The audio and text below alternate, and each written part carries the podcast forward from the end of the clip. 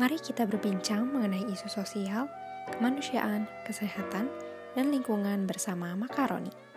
Ngobrol bareng. Sama podcast Sosmas. Yeay. Kemarin hujan, sekarang gerimis.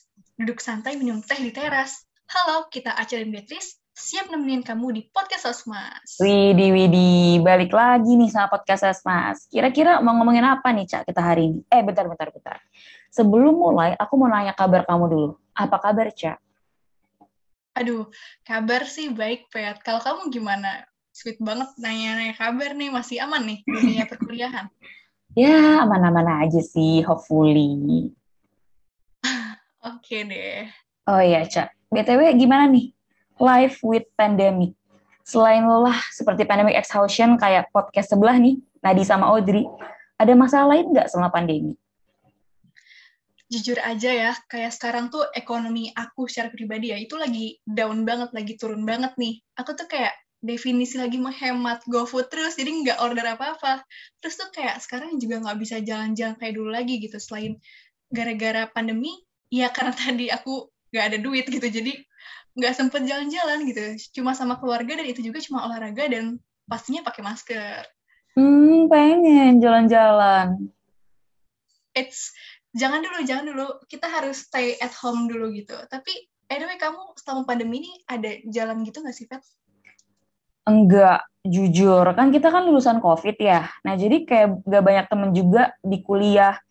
Dan aku juga kantong aku tuh lagi tipis. Ya itu kalau misalnya dikonklusikan, aku nggak pernah jalan selama pandemi. Relate banget sih kantong kering tuh. Tapi kayak nih ya, kemarin aku lihat instastory kamu lagi ngurus sesuatu gitu, Pet, sama uh, orang tua kamu, bener gak? Oh, wow. Kamu penonton setia instastory aku ya? Enggak, aku tuh uh, sebenarnya fans berat kamu, bukan penonton setia gitu. Aku Oh, tuh fans berat. Oke deh, by the way Mbak Sway, benar. Kemarin tuh aku pergi gitu sama orang tua aku. Tapi bukan jalan-jalan sih, soalnya kemarin tuh cuma ngurus adalah surat sesuatu. Dan kamu tahu nggak sih, aku tuh kayak ketemu anak kecil ya, kurus banget, sama pendek banget. Padahal aku tanya, masa katanya udah umur 4 tahun? Wow, serius? Itu kenapa ya? Kayak aku tuh pernah denger tentang masalah ini, tapi lupa jujur, Li. Nah, menurut aku sih dia tuh something, Cak. You know something? Wow, I don't know. Thank you. And you? Wah, parah. Nggak denger nih, berarti di kelas ditandainnya ini Arcelia Witri. Nah, jadi stunting atau kerdil itu sebenarnya setahu aku adalah keadaan di mana anak balita memiliki panjang atau tinggi badan yang kurang jika dibandingkan dengan umur nih, Ca. Oh alah, kalau itu mah aku inget banget. Tadi tuh aku cuma lupa namanya aja deh. Masa sih? Hmm, kita kuis mendadak dulu kalau gitu. Emang ciri-ciri stunting tuh gimana? Waduh, waduh, nantangin dia. Nih, aku tuh pernah baca ya, dan tentunya aku masih ingat banget nih dari sumber yang benar-benar kredibel dari website Kementerian Kesehatan, kalau ciri-ciri anak yang terkena stunting itu adalah pertumbuhannya melambat. Kemudian wajahnya itu tampak lebih muda dari anak-anak seusianya. Nah, selain pertumbuhan tubuhnya melambat, pertumbuhan giginya juga terlambat. Kemudian performanya itu buruk pada kemampuan fokus dan memori belajarnya. Kemudian yang paling penting ini ciri-cirinya itu adalah berat badan balita tidak naik bahkan cenderung menurun. Itu ciri-ciri yang aku bisa simpulkan, yang bisa aku kasih tahu lagi kamu dari website yang aku temuin di Kementerian Kesehatan tadi. Nah, iya keren banget. Tuh tahu. Sekarang tuh banyak tahu Ca, anak-anak dengan ciri-ciri kayak gitu. Iya, jujur, aku tuh kayak tahu banget gejala-gejala dan ciri-cirinya. Tadi tuh aku kayak cuma lupa aja namanya. BTW, demi apa sih banyak banget orang apa anak-anak yang kena stunting ini? Tapi gak heran sih jujur karena uh, aku tuh jarang dengar soal stunting ini sebelum 2020 ke bawah dan itu pun kalau dengar aku juga jarang banget dengar beritanya. Nah, iya, Ca. Sebenarnya ya, urgensi stunting itu masih belum marak-maraknya sih. Karena emang beberapa orang juga kalau misalnya kamu tanya, pasti banyak nih yang belum tentu paham stunting itu apa, atau bedanya dengan wasting tuh gimana. Ya, bener banget. Kayak salah satunya aku sih, jujur. Iya, Cak. Tapi bagus sih kita sama-sama mengakui nih bahwa kita harus sama-sama lebih banyak belajar lagi soal stunting. Tapi kamu tahu nggak sih semenjak pandemi tuh kayak ternyata stunting tuh makin parah deh. Kamu tahu nggak? Iya sih, benar banget. Tapi kalau misalnya ini ya pendapat aku sendiri ya, ini mungkin bisa diakibatkan oleh uh, fasilitas kesehatan yang lebih terfokus ke penyelesaian COVID-19 nggak sih? Nah, iya jujur Cak, aku juga mikir kayak gitu. Kayak sekarang semua vaskes tuh fokus ke COVID.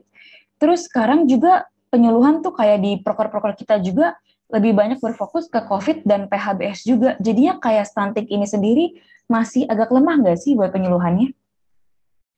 Iya sih, pandemi ini jadi bikin faktor risiko stunting tuh jadi benar-benar menaik gitu, menambah di Indonesia.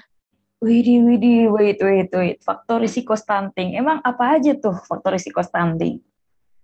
Waduh, apa aja tuh, Pet? Penasaran. Aku agak lupa juga nih. Hmm, nggak tahu nggak ya? Hey, kasih tau lah, kasihan nanti pendengar kita tuh udah emosi nanti nunggu-nunggu. Oh iya, jangan emosi dulu pemirsa. Nih, aku kasih tahu ya buat kamu sama semua penonton kita atau pendengar kita. Berdasarkan artikel dari Nur Marina Indraswari nih, Cak, dari Departemen IKM Universitas Pajajaran, stunting dapat disebabkan oleh beberapa faktor.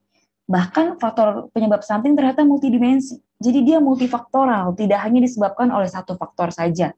Nah, kata Kak Nur Marina juga, selain buruknya gizi yang didapatkan oleh ibu hamil dan balita, faktor lain penyebab stunting adalah praktik pengasuhan yang kurang baik nih. Selain itu juga ada terbatasnya pelayanan kesehatan pada ibu selama masa kehamilan dan bahkan setelah melahirkan serta juga kurangnya akses ke makanan bergizi dan khususnya juga kurang akses ke air bersih atau sanitasi. Jadi sebenarnya buat faktor ini nggak cuma dari ibunya aja atau rumah si ibu sama si anak ini, tapi ternyata menyebar di keseluruhan lingkungan mereka. Wah, ternyata banyak juga ya faktor stunting. Aku tuh awalnya ngira gak terlalu banyak gitu branches faktor dari stunting ini sendiri wah ini mah kalau misalnya ada info di TikTok tentang stunting, kudu mesti di screenshot langsung nih, karena jujur wawasan tentang stunting ini ternyata esensial banget gak sih? Nah iya banyak banget. Makanya untuk penyelesaian stunting sendiri harus bertahap karena emang banyak nih faktor enablingnya. Dan benar banget sih, kita mesti tahu mengenai faktor-faktor ini karena sebenarnya banyak, tapi kurang disadari aja gitu, Cak, di masyarakat. Iya, bener banget. Retweet seribu kali nih tentang semua pendapat kamu. Ngomong-ngomong, ngomongin soal faktor ya, kayaknya selama pandemi tuh makin gede nggak sih? Uh, tapi sebelum pandemi tuh stunting udah parah juga di Indonesia, Pet. Kamu tahu nggak? Masa sih? Eh, jujur, aku tuh baru baca-baca stunting tuh waktu pandemi, jadi aku belum tahu sih, Cak, kalau misalnya sebelum pandemi itu kondisinya kayak gimana. Nah, iya, Pet. Nih ya, aku langsung spill aja ya dari artikel yang aku baca di UNICEF gitu. Ternyata Indonesia sebelumnya merupakan contoh negara dengan tiga beban malnutrisi jauh sebelum pandemi COVID-19. Tuh bayangin. Dan Indonesia sendiri memiliki 7 juta anak yang mengalami stunting. Dan kondisi ini tuh menjadikan Indonesia sebagai negara kelima di dunia dengan baca stunting terbanyak. Parah banget gak sih? dan penyebabnya itu nyaris setengah dari total ibu hamil mengalami anemia karena makanan yang dikonsumsi tidak mengandung cukup vitamin dan mineral. Atau mahasiswa sih uh, bahasanya itu zat gizi mikro ya. Nah, Indonesia sendiri uh, menghadapi tantangan yang kompleks nih akibat tiga beban tersebut yang salah satunya adalah stunting yang berkemungkinan besar akan memburuk karena pandemi COVID-19. Kenapa sih pandemi COVID-19 itu diperkirakan bisa uh, memperburuk kondisi stunting di Indonesia? Nah, jadi pandemi COVID-19 ini ternyata berpotensi meningkatkan kekurangan gizi pada ibu gitu. Uh, jadi ketidakamanan pangan rumah tangga ditambah dengan ketidaksetaraan gender diperkirakan akan meningkatkan prevalensi kekurangan gizi, khususnya anemia dan kurangnya berat badan ibu. Akibatnya, kurangnya gizi pada ibu, terutama pada ibu yang menyusui ya, dapat menimbulkan berbagai berbagai bentuk kekurangan gizi pada anak yang nantinya akan berujung pada stunting lagi. Jadi, ya begitulah Hmm, sebelum pandemi ternyata udah parah juga ya. Kok bisa ya diriku ini tak tahu? Iya, Pet, bener banget. Tapi jujur nggak cuma kamu doang kok yang baru tahu. Karena aku juga baru tahu tentang informasi ini tuh baru-baru ini. Nah, iya, Cak. Jujur, aku tuh kurang tahu sih kalau sebelum. Tapi, Cak, wait. Kalau ngomongin sebelum, harus ngomongin sesudah juga nih. Aku sekalian mau pamer nih hasil research aku. Nah, waktu pandemi sendiri, aku pernah baca dari media Indonesia nih, Cak bahwa pandemi COVID-19 memang menyebabkan laju penurunan stunting melambat ternyata. Namun, untuk mengejar target prevalensi sebesar 14% pada 2024, masih diperlukan reorientasi program yang lebih nyata dan terarah di lapangan dengan penekanan pada intervensi spesifik nih, seperti pemenuhan nutrisi anak, dan juga prioritas kelompok miskin yang mengalami pukulan terberat di masa pandemi, Cak. Demi apa sih? Berarti sebenarnya selama pandemi uh, meskipun ada kasus gitu ya banyak kasus tapi udah ada penurunan ya Nah, iya, Cak. Tapi tetap aja sih, berdasarkan Riskesdas 2018 juga, angka stunting di Indonesia tuh 30,8 persen. Yang berarti satu dari tiga anak balita di Indonesia menderita stunting.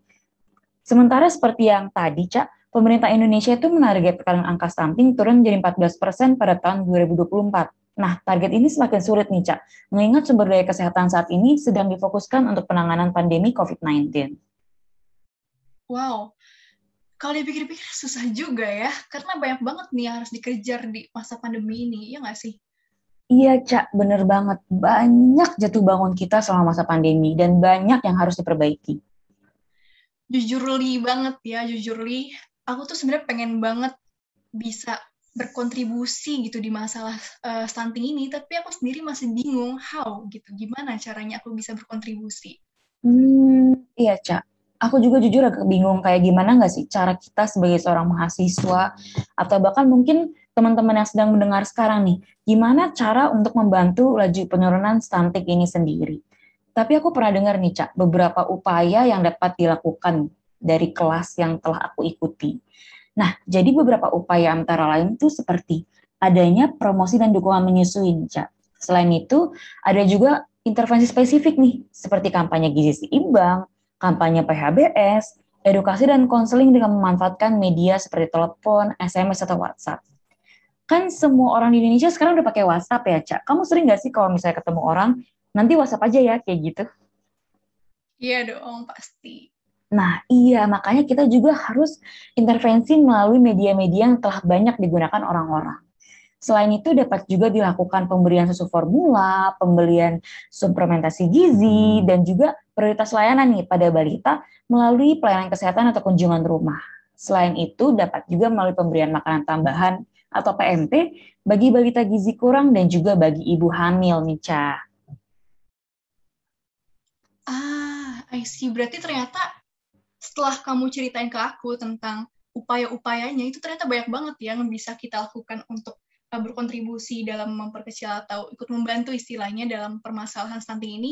Dan kalau misalnya tadi aku boleh rangkum ya dari apa yang aku tangkap, itu tuh kita bisa melakukan kontribusi mulai dari promosi dan dukungan menyusui, terus juga kampanye gizi seimbang dan uh, PHBS gitu kan. Uh, PHBS ini kan kayak sesuatu yang udah biasa kita lakukan ya dan uh, penting gitu memang memang penting untuk kita lakukan di keseharian kita. Terus juga tadi juga ada edukasi dan konseling dengan memanfaatkan sosial media. Dan yang paling penting tadi juga ada pemberian suplementasi gizi. Hmm iya cak jadi sebenarnya sebagai seorang mahasiswa tuh atau bahkan sebagai seorang individu ya kita bisa banget nih cak seperti yang kamu bilang tadi mulai dengan pertama mengedukasi diri sendiri tentang stunting. Nah setelah edukasi diri kita juga harus paham nih faktor-faktor risiko apa aja sih yang ada di stunting dan apabila sudah cukup kita mempelajarinya maka kita bisa coba nih untuk mengedukasi orang-orang terdekat kita. Setahu aku Cak, udah banyak banget kegiatan yang berbasis stunting nih di Indonesia. Apalagi di Depok. Udah banyak banget yang mulai peduli dan mengadakan gerakan untuk generasi bebas stunting. Ah, sih. Tapi aku setuju banget sih Pet sama pendapat kamu. Jadi tuh kayak segalanya gitu. Kalau misalnya kita ingin um, memberikan sebuah perubahan gitu. Semua itu berawal dari diri kita dulu baru keluar gitu. Kayak aku juga setuju sama pendapat kamu. Ada banyak banget ternyata eh, kegiatan-kegiatan yang dilakukan oleh uh, mahasiswa atau siapa pun yang ada di lingkungan sekitar yang mendukung uh, pencegahan stunting ini. Kayak kemarin tuh aku habis ikut volunteer stunting loh. Oh my god keren banget sister. Yoi. Nah gak kerasa cak udah lumayan lama kita diskusi mengenai stunting Kebetulan setelah aku ceki-ceki jam nih, bentar lagi aku harus ke Lio nih buat ngajar anak-anak. Jadi mungkin sampai segitu aja dulu kali ya podcast kita pada hari ini. Semoga kita dapat berperan nih dalam membantu penurunan stunting di Indonesia. Amin. Harus banget sih kita sebagai generasi muda melakukan sesuatu untuk menciptakan generasi bebas stunting. Nah, iya, Cak. Selama masa pandemi ini kita harus definisi bergegas banget nih untuk membantu mengurangi faktor yang meningkatkan risiko stunting pada anak-anak Indonesia. Oke deh, Cak. Untuk menutup, aku punya pantun nih. Aku nggak mau kalah sama kamu tadi. Wah, mau dong. Tadi tuh kayak udah dibuka pakai pantun, mantepnya lagi tuh kalau ditutup pakai pantun juga. Oke deh, aku mulai ya pantun aku. Siang-siang duduk santai, eh lewat tukang bakso keliling. Cakep. Gak terasa podcastnya sudah selesai, mari kawal terus isu stunting. Uh, keren banget pantunnya nih. Iya dong, siapa dulu yang pantun? Oke deh. Kayak kita langsung aja nih, Fat, daripada lama-lama lagi. Kata tadi kamu mau ngajar ya sama anak-anak kampung Lio. Oke deh, kita tutup ya, Ca. Sampai jumpa. Semoga bermanfaat. Untuk tetap menjadi bermanfaat, dengarkan podcast Makaroni selanjutnya. Karena menjadi bermanfaat adalah harga mati.